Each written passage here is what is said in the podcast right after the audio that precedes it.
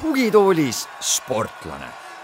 Tervitus, head spordisõbrad, kuulate Õhtulehe raadiosaadet Tugitoolis sportlane, mina olen saatejuht Mart Treial ja mul on täna hea meel stuudios tervitada Eesti praeguse hetke parimat mäesuusatajat, Tormis Lainet, tere tulemast stuudiosse, Tormis! Tere tulemast! ütleme äsja sul eh, Stamsi, kuulus Stamsi suusagümnaasium on nüüd eh, lõpetatud, praegu oled üks, üks kuu aega juba Eestis viibinud, räägi, mis asju sa ajad siin praegu kodumaal? praegu on selline füüsilise trenni aeg, et seda on veel augusti lõpuni ja siis läheb tagasi suuskadele, et siin praegu kõike võimalikku teen, et jõusaalis veedan palju aega ja kestvustrenni ja siis, ja siis veedan ka palju aega kodus Otepää seikluspargis. ega väljaspool suve vist väga tihti kodumaale ei satu? ei, ei satu jah, ütleme nii, et vahest harva, aga mitte midagi nagu kindlasid kuupäevas ei ole, et ma tuleksin nüüd talveks või jõuludeks koju, et kindlad kuupäevad, kus ma Eestis olen, on ainult siis suvi. no suvi on sul selline puhtalt väga töine või on aega nii-öelda chill ida ka aega chill ida küll praegu ei ole, et iga päev ikka, peaaegu iga päev ikka kaks trenni päevas ja et aega siin chill imiseks palju ei jää kaks trenni päevas, see on, see on, see on, see on nagu päris karm, et aga oli mingi puhme, puhkemoment ka ikka siis pärast äh, suusahooaega? ja et mul ongi see puhkemoment on alati otse peale suusahooaega, ehk siis seal aprilli lõpp, mai algus, seal on kaks-kolm nädalat, kus ma siis ei treeni. ja siis läheb jälle ettevalmistus edasi järgmiseks hooajaks. no nagu öeldud sai, gümnaasium on nüüd läbi, on hea meel ka muidugi, nagu, nagu ikka, koorem läks õlgadelt, et nüüd saab keskenduda selle peale, mida ma kõige paremini teen ja võib-olla sellest tuleb meil lihtsalt edu ka. ikkagi ei saa küsimata jätta, et kuidas siis, kuidas koolis läks, kuidas eksamid läksid? et seal noh, eks mul oli seal tunnistusel kõiki võimalikke hindeid, et seal parimatele hinnetele õppida on raske, kui ikkagi talvel kaks kuud järjest puudud ja üldse nelja talvekuu jooksul ehk siis hooaja jooksul võib-olla oled nelja kuu jooksul seitse-kaheksa päeva koolis, et siis on jah, natukene raske nendele parimatele hinnetele õppida aga ma saan aru, et sa ütled, noh, see on meeletult vähe, eks ju, kui, kui siin kuulavad teised inimesed, kes noh, kes käivad nii-öelda noh, regulaarselt koolis sellise nii-öelda spordiga nii, nii, niisugusel tasemel või niiviisi ei tegele, et peab kogu aeg reisima. See tundub nagu väga väike aeg, et kas, aga ma saan aru, et noh, kuna see ongi spetsiaalselt ju suusagümnaasium, siis seal on see nagu okei okay,, et kõik ju puuduvad.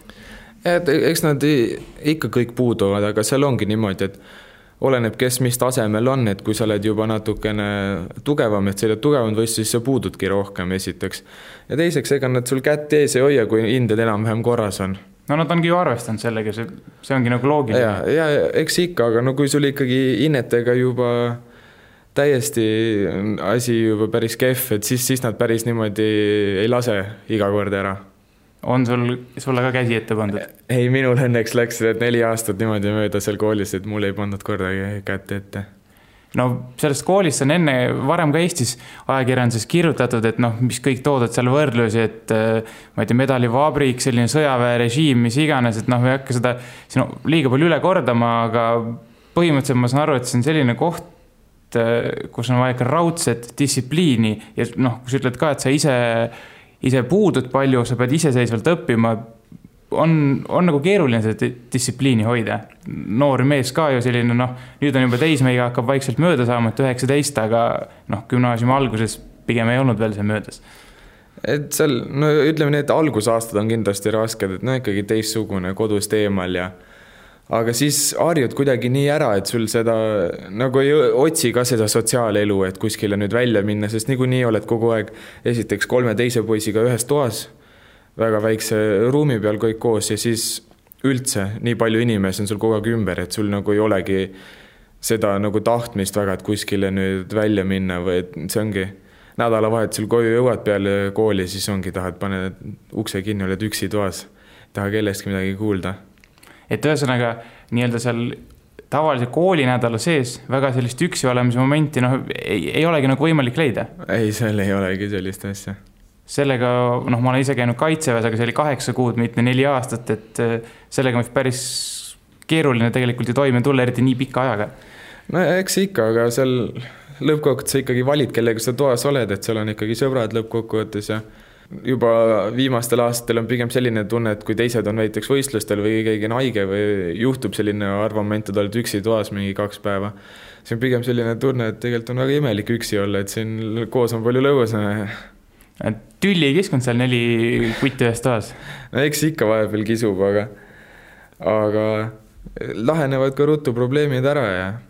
ja eks me, eks saame kõik üle ja. selle nelja aasta jooksul, mis sa siis seal Stamsi gümnaasiumis veetsid, äh, tekkis mingi hetk siukseid kõhklusi või mõtteid ka, et, et, et pagan, et miks, miks ma nagu teen enda elu nii keeruliseks, noh, et see distsipliin ja kõik see, millest põgusalt siin rääkisime.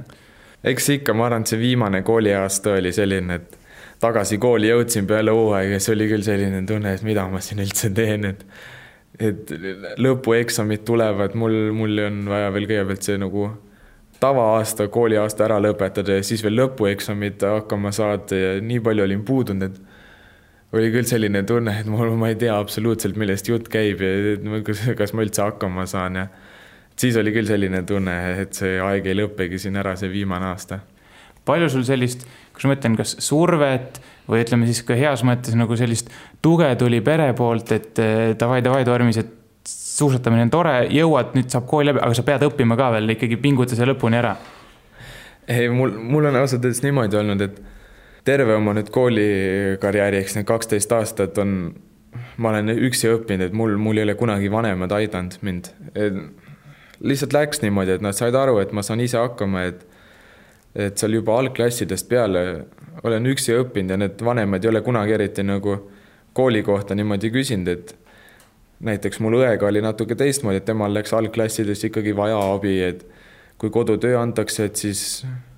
et sa pead seda kodus tegema, et see ei ole niimoodi, et koju jõuad ja siis midagi ei tee, aga minul lihtsalt läks niimoodi ja siis ikka vahepeal küsivad, et kas koolis on kõik hästi ja siis ma ütlen, et äh, saab tehtud ja et seal nagu survet küll ei olnud. mis kõige keerulisem oli seal koolis? eks seal ikka on see, et kõik nüüd kõigega koos hakkama saada, et isegi kui on suusakool, siis see täisajaga proovi hakkama saada see kooliga ja, ja siis samal ajal veel teha nii tugeval tasemel sporti. kas noh, see on selline hästi nii-öelda kuulus suusagümnaasium, aga kas seal, räägi, kas seal õpetatakse mingisuguseid selliseid moodsaid, tänapäeva spordiga kaasas käivaid moodsaid asju ka, näiteks spordipsühholoogiat, enesebrändimist, mingeid, mingeid selliseid asju, mida noh, võib-olla kakskümmend, kolmkümmend aastat tagasi tegelikult ei tuntudki nii-öelda? Eks seal, eks seal ikka nad liiguvad ka ajaga kaasas, aga seal midagi nagu nüüd erilist küll ei ole, mis ma ütleks, et et, et see on nüüd täiesti uus värk, mida nad õpetavad, et neil on ikka need tavalised asjad, eks sa õpid seal koolis samal ajal, kui sa ise ju trenni teed, õpid ka, sul on alana, õpid treeningu ülesehitust ja, ja, ja, ja inimese keha ja ehk siis luud, kondid, seal lihased, kõik õpid, õpid nagu pähe, et sa, et sa teaks ka, et kui sa trenni lähed, mida sa teed ja mis on kasulik, mida sul vaja on ehk et mõnevõrra ikkagi erineb õppeprogramm tavalisest gümnaasiumist. jah, et seal ongi, kõik on nagu spordi suunas natuke ja siis ongi see eraldi on üks õppeala, kus õpetataksegi neid treeningmeetodeid ja, ja, ja siis inimkeha ja. Aga psühholoogiat ei olnud, mis on tänapäeval hästi selline kuidagi popp ja tõusev teema, et kõikidel on siin spordipsühholoogid, et seda poolt ei olnud, et visati lihtsalt, et noh, nagu selle kooli natuke niisugune põhimõte on, et tugevad jäävad ellu ja, ja, ja sealt saabki nii-öelda hea kooli siis ka teises mõttes. ei, seal eh, niimoodi nagu ei õppinud selle kohta, aga, aga olid meil, olid äh,, olid mentaaltreenerid, nimetatakse neid, et need, need olid, olid meil seal koolis täiesti olemas ja, ja siis igaüks sai ennast kirja panna sinna. et saad seal rääkida ja, ja siis saavadki välja õppida need mis neid aitab, et kes läheb sinna probleemiga, et ta ei saa kooliga spordi kõrvalt hakkama või ta ei suuda spordis neid tulemusi tuua, mida ta treeningutes teeb ja siis eks, eks mõnda inimest ikka aitab ja, ja, ja siis mõnda teist inimest jälle ei aita, aga, aga võimalused olid seal koolis need olemas. ühesõnaga, see oli jah, vabatahtlik võimalus, see ei olnud kuidagi kohustuslik õppeprotsessi osa? ei, et see oli vabatahtlik. korra Eesti teema juurde tagasi tulla mis sind nagu, mis sind selles mõttes Eestiga veel nii-öelda igapäevaselt eh, seob, et palju sul siin näiteks veel sõpru on jäänud, kuna sa oled juba ju Austrias elanud, me oleme rääkinud gümnaasiumist, aga tegelikult aastast kaks tuhat üksteist, et see on juba kaheksa aastat Austrias. ja ei, mul on ikkagi siin parimad sõbrad on Eestis, et kellega ma olen lasteaias käinud ja, ja algklassides ja, ja siiamaani teeme seal Otepääl, eh, käime läbi ja et no nii palju, kui mul aega on, et et eks ikka jõuab mõni õhtu kinno minna nendega või lihtsalt juttu rääkima või, või külla minna et Eestis pigem tekib see tunne, noh, nagu sa enne ütlesid, et, et kui sa kooli ajal läksid nädalavahetusel koju, noh siis Austria koju, et siis, siis ei tahtnud nagu väga kedagi näha, aga Eestis pigem suvel üritad ikkagi kõik vanad sõbrad jälle üle vaadata. no eks ikka, kui ma nii vähe siin Eestis olen, siis ikka, ikka proovin nendega aega veeta ja, ja aga, aga ega, e-, ega need lihtne ka ei ole, et nii mul väga palju aega ei ole, et, et nüüd saaks igapäevaselt nendega midagi teha. kui seal Austrias oled, mida sa igatsed Eesti juures kõige rohkem? no eks ikka need pereliikmed ja siin vanavanemad ja, ja siis eks ma naudin neid Eesti toite ka, et mis seal Austrias siis ei ole, need rukkileivad ja, ja Eesti kommid ja, ja siis e, e ega ei oskagi niimoodi muud öelda palju sa seal äh, koolikaaslastele algusaastatel pidid selgitustööd tegema, et äh, mis see Eesti on ja kuidas ikkagi, et meil on seal lamemaa ja, ja, ja nii edasi? sest noh, ma arvan, et Eesti mäesuusatamisest nad peale sinu ei tea mitte midagi, sest noh, suurt, suurt nagu ei olegi põhjust midagi teada. ja, et no nendele teistele mäesuusatajatele ei pidanud nagu väga palju selgitama, et enamused on ikkagi seal Tirooli poisid ja nemad juba mind tundsid eh, lastevõistlustest ja, ja siis eks seal üle, ülejäänud nendele, kes seal koolis on, need suusahüppajad ja eks, eks nemad, ei oska öelda, ei ole vaja nagu palju rääkida sellest Eestist, et mul näiteks õpetaja sai alles esimesel, esimesel sellel vanemate kokkusaamisel sai teada, et ma ei ole austerlane. et ega ma seda väga palju ei maininud seal, aga jah, et seal kuidagi läks niimoodi täiesti ilma, et pidin midagi selgitama. karjääri mõttes, mis sa arvad, kas Eesti pass on sulle kasuks või kahjuks? eks seal mõlemal, eks seal on mõlemad need plussid ja miinused asjal, et et kindlasti ühelt poolt on, on ju väga hea, et ma saan suurtele võistlustele juba nii varases vanuses, mida ma näiteks teiste suurte riikide eest ei saaks, aga ja no siis samas on need muud asjad, mis on, on nagu kõrval, et nendel suurtel riikidel ikkagi see toetus ja, ja süsteem, mis nendel on olemas. aga ma, ma, ma pigem peaks seda ikkagi plussiks, et, et, et ma arvan, see, mis me praegu enda tiimiga teeme, et seal suuskadel ja, ja siis üldfüüsilises, et, et see on võib-olla isegi parem, mis need paljud suured süsteemid on enda omadele teinud ja, ja, ja muidugi palju individuaalsem.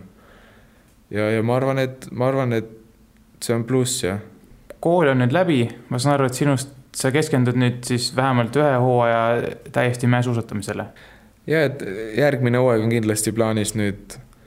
ainult, ainult treenida ja, ja, ja, ja vaadata siis, kuhu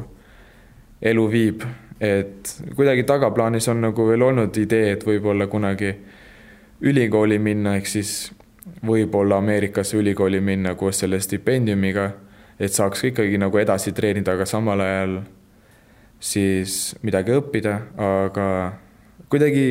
nagu praegu olen siin nagu nendele tõedele nii lähedal, kõik need maailmakarikad ja, ja, ja maailma tipud, et, et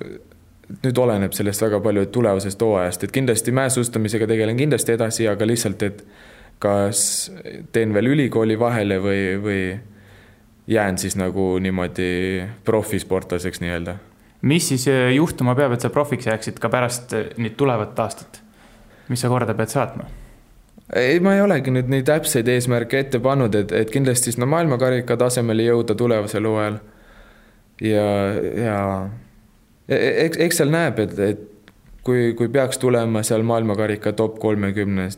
tulemusi, siis, siis kindlasti on nagu mõttekas jääda mäesuusatamise peale, no, no jääda selline profikarjääri peale, sellepärast kui ma läheks ülikoolis ja teeks nagu asja ainult raskemaks, kuigi nagu see tõde ehk siis nagu maailma tippudele olen nii lähedal juba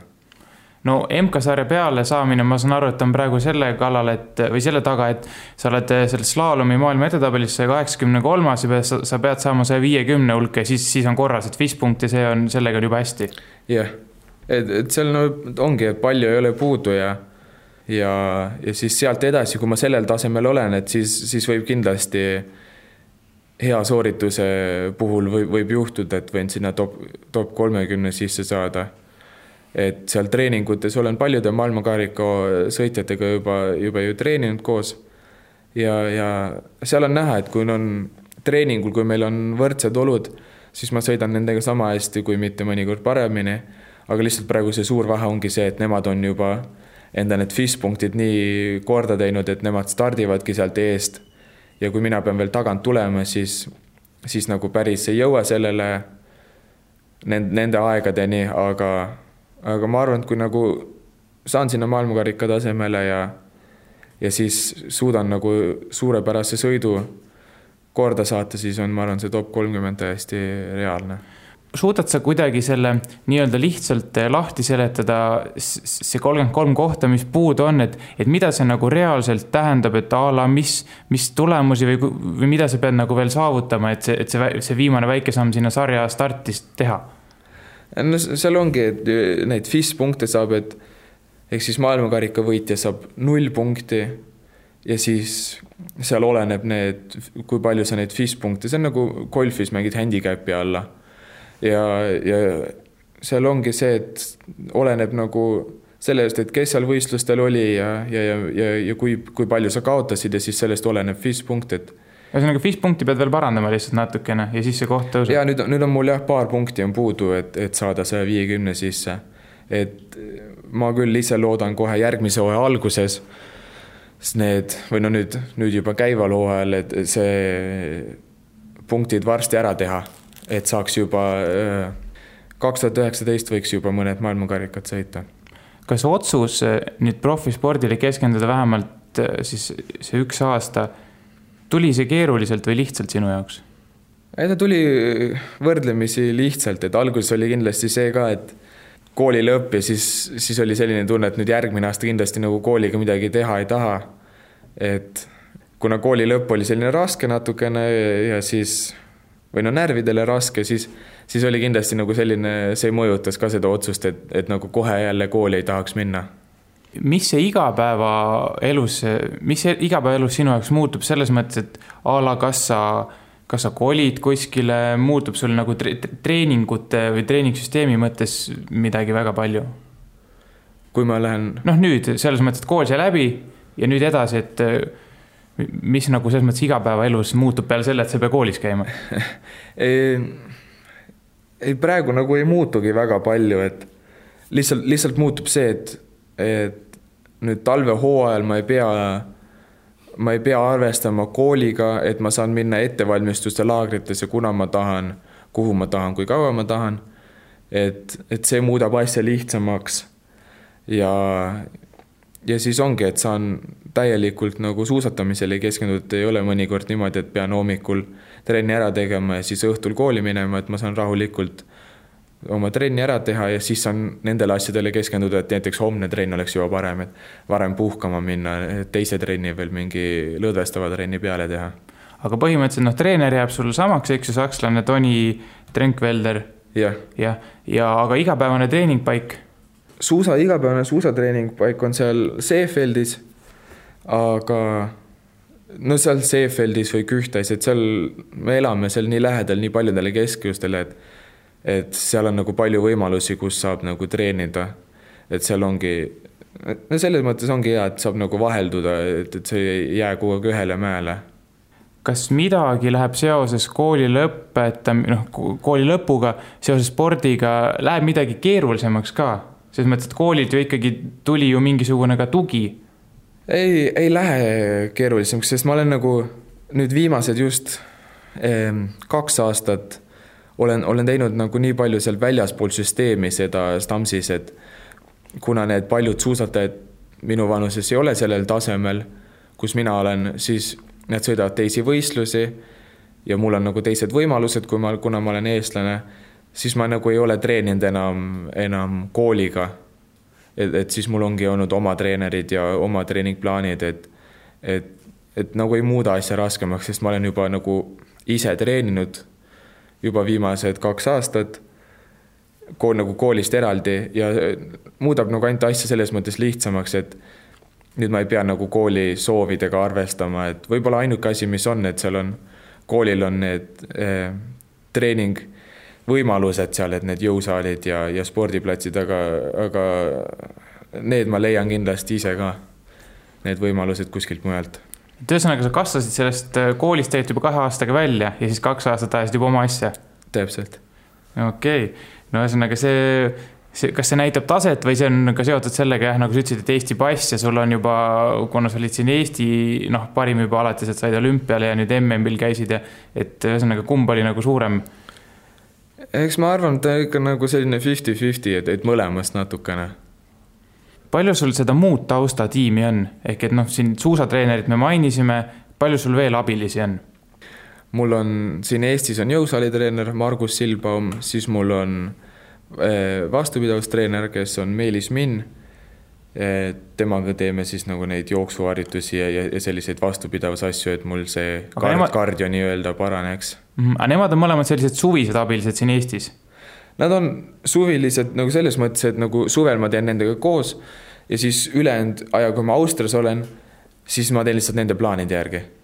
mm. -hmm. et siis on lihtsalt, kirjutame nendega nemad panevad ikkagi mul plaani kokku, siis nad ise ei ole lihtsalt kohal, aga ma teen ikkagi nende plaani järgi.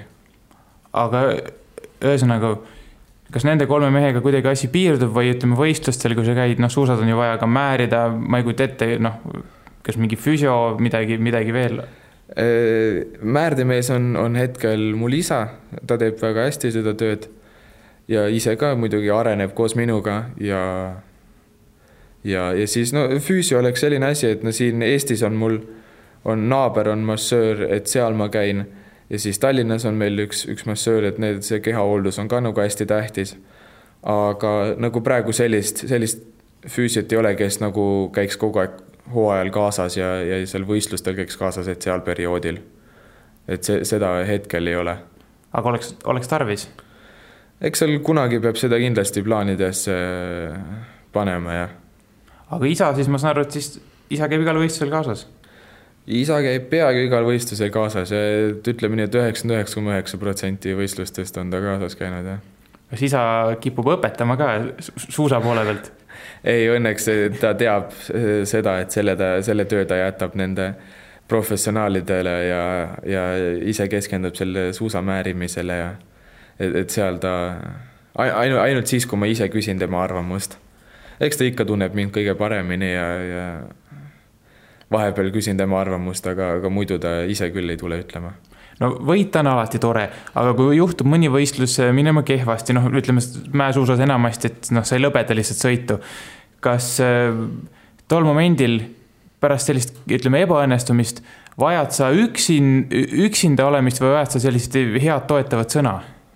ütleme nii, et ma saan päris kiiresti üle, et, et suht närvid korras, ütleme niimoodi, et ei, ei lähe liiga kaua aega, aga, aga kui on vaja aega, siis ma, siis ma pigem olen nagu üksinda ja, ja, ja mõtlen iseenda peas, teen analüüsid, kiired asjad,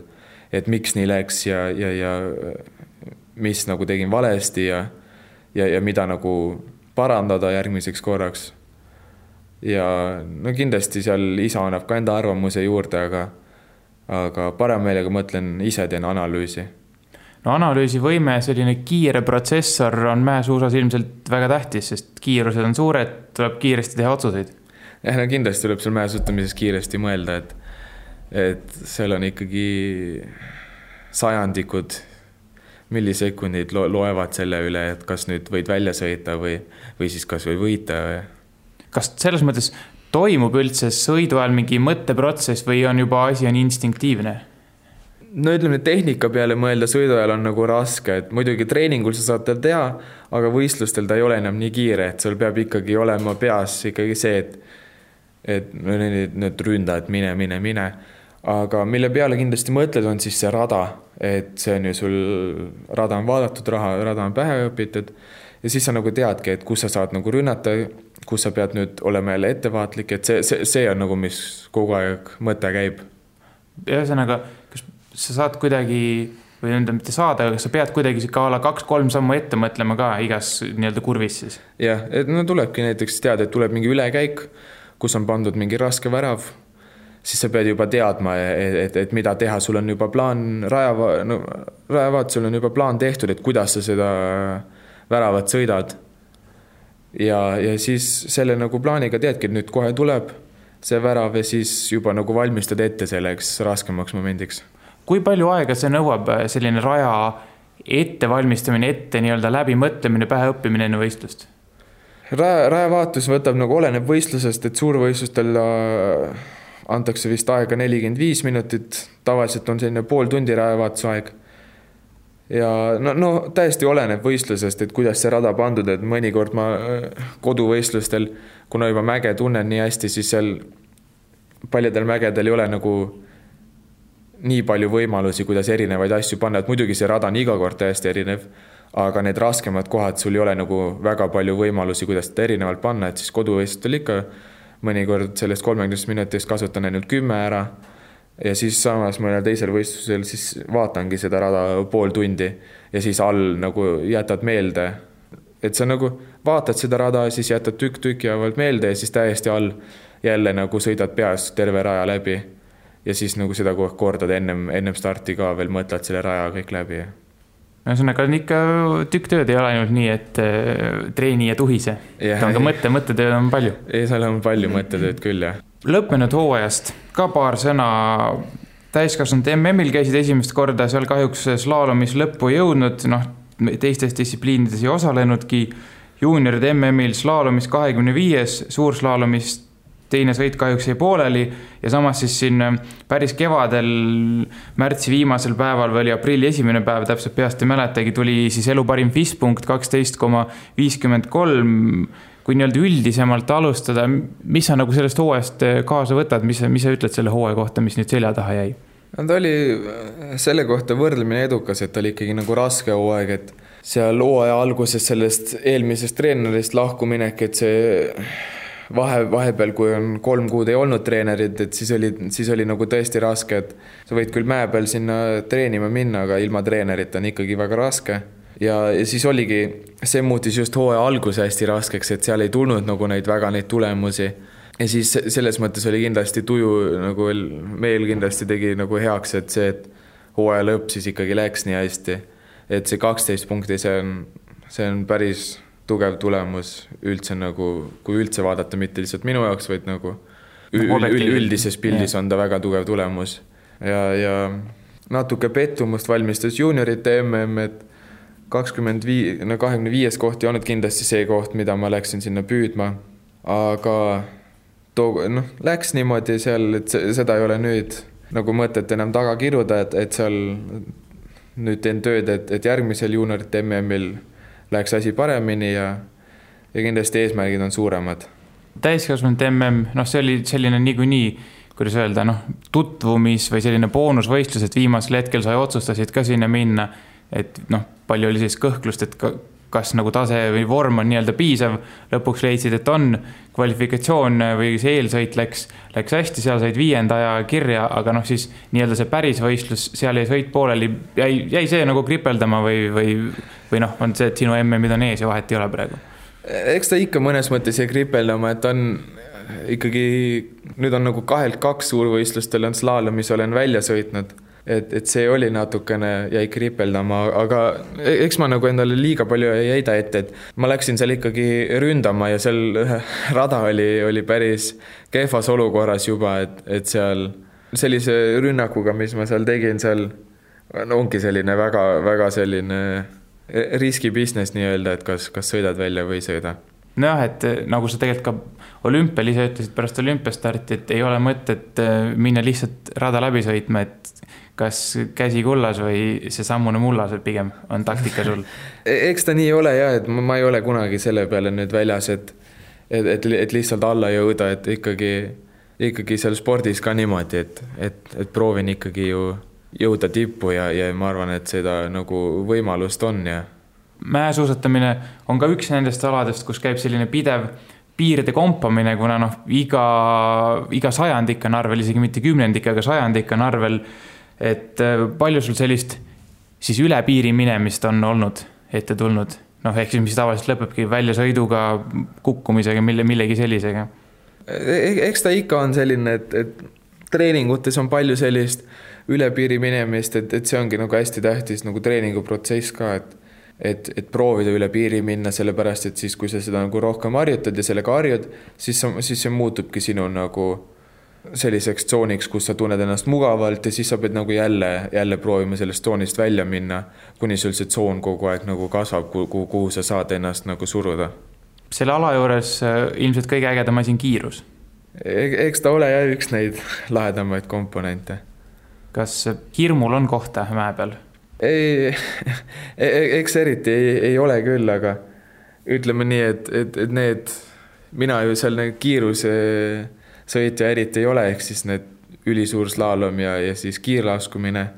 et ma arvan ka, et seal ma natukene, seal ma kardaks liiga palju ja sellepärast ma seda ka ei tee, et minu nagu oskused on ikkagi rohkem seal tehnikaalade peal, kus siis eks slaalom ja suurslaalom no varem sa oled nendest kiirusealadest rääkinud, et justkui nagu soov tulevikus oleks, praegu eelmisest vastusest jäi mulje, et pigem see on võib-olla niisugune mineviku mõte või mis? eks, eks mul ikka on nagu plaanis mingeid kiirusasju sõita, aga, aga eks, eks ma arvan, et see, see nagu suures mängus kaasa mängida kiirusaladel on pigem ikkagi raske, et, et seal, seal ongi just vaja, olekski vaja mingi koondise tuge. Sest seal ongi, kui tahad kiirust treenida, siis mõnikord sa pead panema terve mäe kinni ja üksiku sportlasena seda on nagu väga raske teha, et seda saavadki lubada endale suured koondised üks asi, mis mind kindlasti huvitaks, oleks siis see Alpi kombiin, ehk siis see on selline asi, kus on üks sõit, siis on kiirusala ehk siis kas kiirlaskumine või supergi ehk siis ülisuurslaalom ja siis teine sõit on slaalom. et see on selline, mis, mis kombineerib siis kiiruse ja, ja, ja selle tehnikaalad kokku. et, et seal ma näeks endal potentsiaali võib-olla. oled seda proovinud üldse? nüüd eh, FIS-i ajastul ehk siis, kui ma täiskasvanutega sõidan, ei ole. aga tuleval hooajal tahaks, tahaks sõita küll, et, et juuniorite MM-il ma sõidaks hea meelega seda. aga tuleb veel treeneriga läbi rääkida, et ma ei tea, kas ta nüüd väga vaimustatud sellest ideest on sinna ilmselt kiirusala on selline asi, et või noh, mitte ilmselt, aga kindlasti, külmalt väga peale minna ei ole, ei ole nagu väga tervislik, et siis järelikult siis sa pead ikkagi leidma ka aja treeningutel seda natukene harjutada. jah, et nüüd ma olen natukene harjutanud, eelmise hooaja lõpus sain paar, paar päeva sain juba ülisuurslaalomit treenida, natukene klaidida, nii nagu öelda, et suuski sisse sõita ja e-, eks ta ole ka igal alal omal võlud. aga kas mäesuusatamine on siis julgete meeste ala? eks ta, eks ta kindlasti ole, et kui seal need kiirusalamehed Kitzbühelis või kuskil Wengenis, Bormios kuskil võistlevad, siis see on ikkagi jah, seal see, seal pead ikka päris julge olema. ütleme nii, et Kitzbüheli kiirlaskumist mina ilm, ilmselt sõita ei taha enda elus. ma mõtlen, kas see, see kiirlask, kas kiirlaskumine on juba selline asi seal, noh, need rajad, mis sa mainisid, need on siis ütleme, kõige sellised kurikuulsamad või kangemad äh, rajad, mis on üldse olemas siin planeedil, et kas see on selline asi, et kui sina vaatad noh, televiisorist või ma ei tea, võib-olla oled ka oma silmaga näinud, et, hoiad ise ka kahe käega peas kinni, et appi, need mehed on küll hullud, eks, eks ta nii ole küll ja et, et väiksena alati mõtlesin, et seda tahaks teha, aga nüüd kui olen nagu suuremaks kasvanud ja asi on nagu hakkab reaalsemaks muutuma, et nüüd oleks vaja seda sellist asja juba teha, siis siis need kiirlaskumise asjad ja need maailmakarikarajad, need on ikkagi, need on ikkagi väga-väga karmid, kui seal näiteks Kitzbühelis sul on juba teise pöörde ajal, kus sul on üle saja kilomeetri sees, seal on kuuekümne meetrine hüpe ja siis peale seda läheb kohe eh, sellisesse kaussi ja sisse ja, ja, ja vasakpööre, et seal see, see on ikkagi, see on ikkagi väga-väga karm no see, ei, ma olen vaadanud televiisorist, kahjuks oma silmaga pole näinud, et see on tõesti müstika, et kuidas need mehed seal üldse püsti jäävad ja kontrollivad ja ma ei kujuta ette, mis materjalist nagu need mehed tehtud on, et. ja seal need, need kiirusala mehed ongi parajad sellised lihamehed, et nemad on suuremad ja, ja, ja, ja kaaluvad rohkem. kuidas sa oma mõtteid suusatamisest eemale saad? sest noh, mulle tundub, et loogiline oleks, et vahepeal peab seda tegema, sest et noh, kisub, kisub nagu kuidagi selliseks noh, see, see võib mõjuda kuidagi negatiivselt lõppkokkuvõttes, kui sa kogu aeg ühe asja peale keskendud elus eks, eks praegu ongi nagu siiamaani ilmselt suures, suures osas oli kool, mis nagu mõtted eemale tõi. et, et seal ei olnudki nagu võimalust sedapidi ka tegema. aga e-, eks siis nüüd ongi see protsess, et nüüd, nüüd ma pean leidma midagi muud, et mille, millega mõtteid siis nagu eemale viia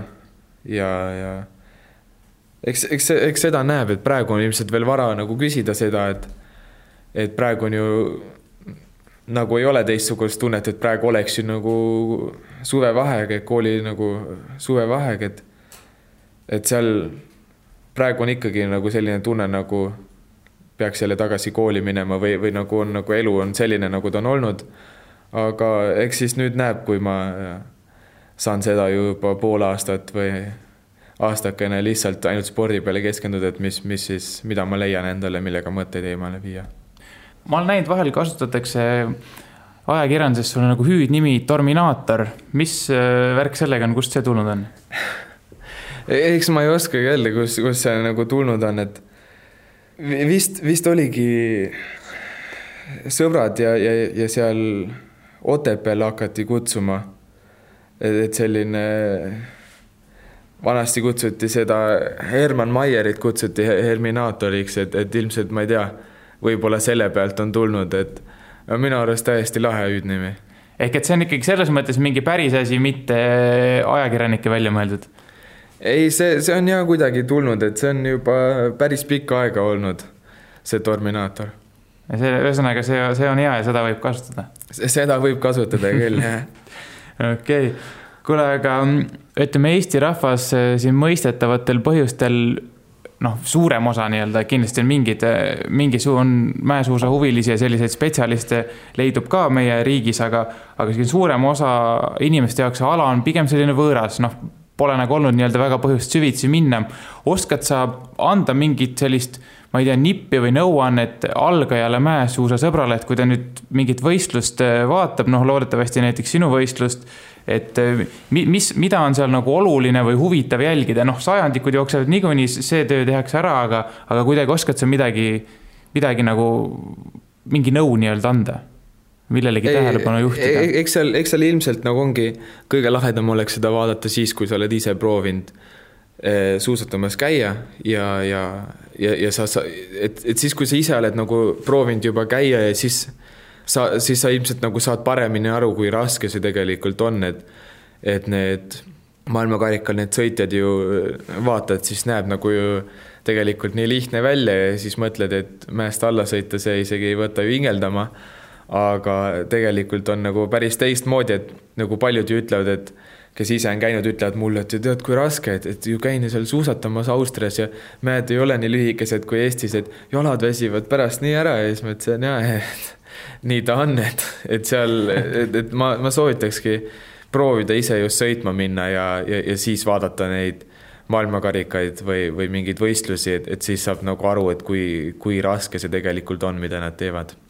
no vot, pange siis äh, Tormis Laine selline soovitus äh, kõrva taha ja lõpetuseks, Tormis, räägi, räägi, millal sa täpselt siis nüüd äh, võistlushooaega plaanid alustada ja mis su plaan, mis plaan on selles suhtes, et augusti lõpuni, ma saan aru, oled Eestis, et mis sellele järgneb, selline nii-öelda lähituleviku plaan? augusti lõpus ma lendan Argentiinasse koos Saksamaa maailmakarikakoondisega ja olen seal treeninglaagris kuu aega ehk siis suusatamas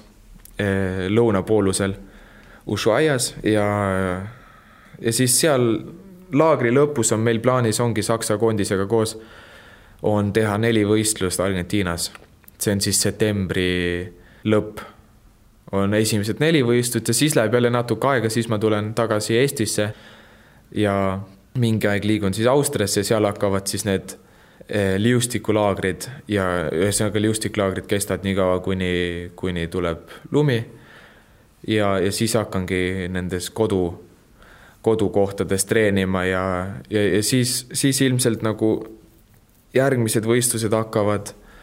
hakkavad ilmselt novembri lõpus no selge, pange siis huvilised märkmikusse kirja, kindlasti hoiame Õhtulehe vahendusel ka lugejad, lugejaid kursis Tormise tegemistega. suur tänu sulle, Tormis, et leidsid aega läbi astuda meie tagasihoidlikust stuudiost. tee siis kõvasti trenni, tugevat, tugevat vaimu sulle ja ikka, ikka jõudu, jaksu. tänan väga ja aitäh ka kuulajatele, uus saade eetris juba siis järgmisel reedel, uus külaline ja uus saatejuht. olge mõnusad ja nautige veel Eestimaa suve.